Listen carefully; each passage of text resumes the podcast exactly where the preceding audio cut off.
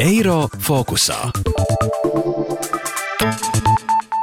TET digitālās transformācijas direktors Krists Avots skaidro, ka digitālā transformācija ir biznesa procesu un pakalpojumu pārcelšana digitālajā vidē. Piemēram, ikdienā jau iepērkamies internetā un taksometru izsaucam caur mobilo aplikāciju bez dispečera starpniecības. Arī TET kā tehnoloģija uzņēmums savā darbībā ievieš digitālos risinājumus. Ja savulaik klientu problēmas risināja dispečeri, tad tagad ar klientu atbalsta inženieri var sazināties mobilajā aplikācijā. Klients pats ar digitāliem kanāliem var pieteikt, ka viņš grib jaunu pakalpojumu, viņam nepieciešama kāda palīdzība Un jau šis digitālais risinājums automātiski sadala darba uzdevumus, ņemot vērā inženieru atrašanās vietu, pieejamos laikus un automātiski samanedžē inženieru plānus, protams, pārceļot kādu pakalpojumu vai procesu uz digitālo pasauli. Tas nāk līdz ar nepieciešamību darbiniekiem gan pārzināt digitālos rīkus, gan arī savādāk skatīties uz visu šo ieviešanu. Šādu projektu realizācija sevī parasti ietver vairākas izmaksu komponentus, iegādāties licences. Otra sadaļa ir ieviešana, un trešā sadaļa ir arī investīcijas cilvēku kapitālā, lai arī jūsu darbinieki spēj izmantot visas tās priekšrocības, ko digitālās tehnoloģijas sniedz. No otras puses, mēs ne tikai pārceļam kaut kādas darbības uz digitāliem rīkiem, bet arī procesa ietvaros pārdomājam, kā to darīt ātrāk un efektīvāk. Un, um, Tas bieži vien nes tādus pozitīvus efektus, piemēram, ja mēs savu klientu spējam apkalpot ātrāk, jo tas ir tas, kā mainās arī sabiedrība mūsdienās, īpaši jaunā paudze. Ir ļoti svarīgi, lai man tas ir pieejams maksimāli īsā laikā, lai es uzreiz varu lietot to pakalpojumu. Platforma DigiNotārs tika izveidota jau 2018. gadā, un tajā var saņemt visus notāra pakalpojumus, ko klātienē. Lietotājam gan jālieto e-paraksts. Starp citu, Latvijā darbojas jau četri e-parakstu veidi, un arī Smart ID ir kvalificēts elektroniskais paraksts.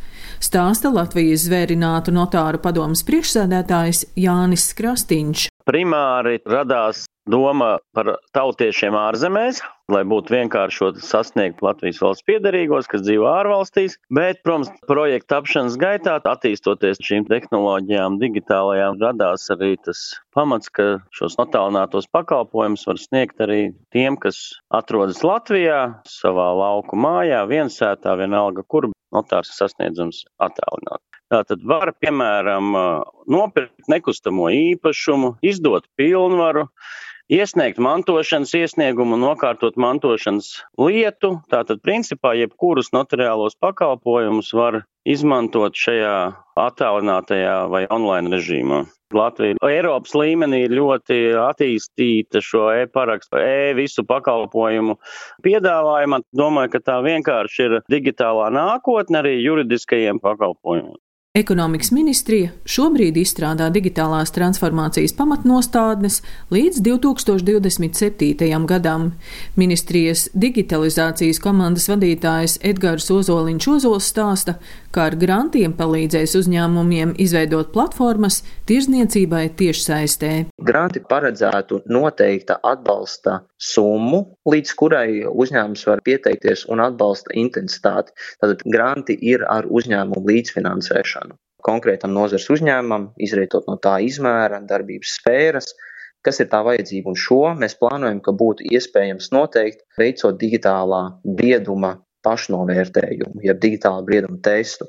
Un šis tests tad arī uzņēmumam iezīmētu tās šaurās vietas, kas viņam būtu vēlams pilnveidot un uzlabot. Tās sfēras, kur šis atbalsts būtu pieejams, ir prasmes, jaunu digitālo produktu un pakalpojumu radīšana, digitālo inovāciju centru, ieceres īstenošana, kas ir Eiropas komisijas digitālas Eiropas programmas iecere.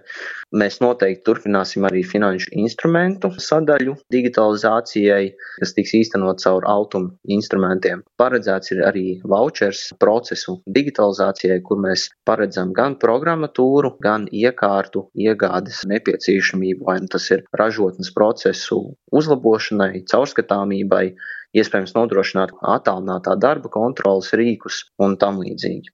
Pēc šī brīža aplēsēm digitālajai transformācijai no Eiropas attīstības fonda Latvijā tiks atvēlēti 330 miljoni eiro. Daina Zalamane, Latvijas radio. Eiro fokusā.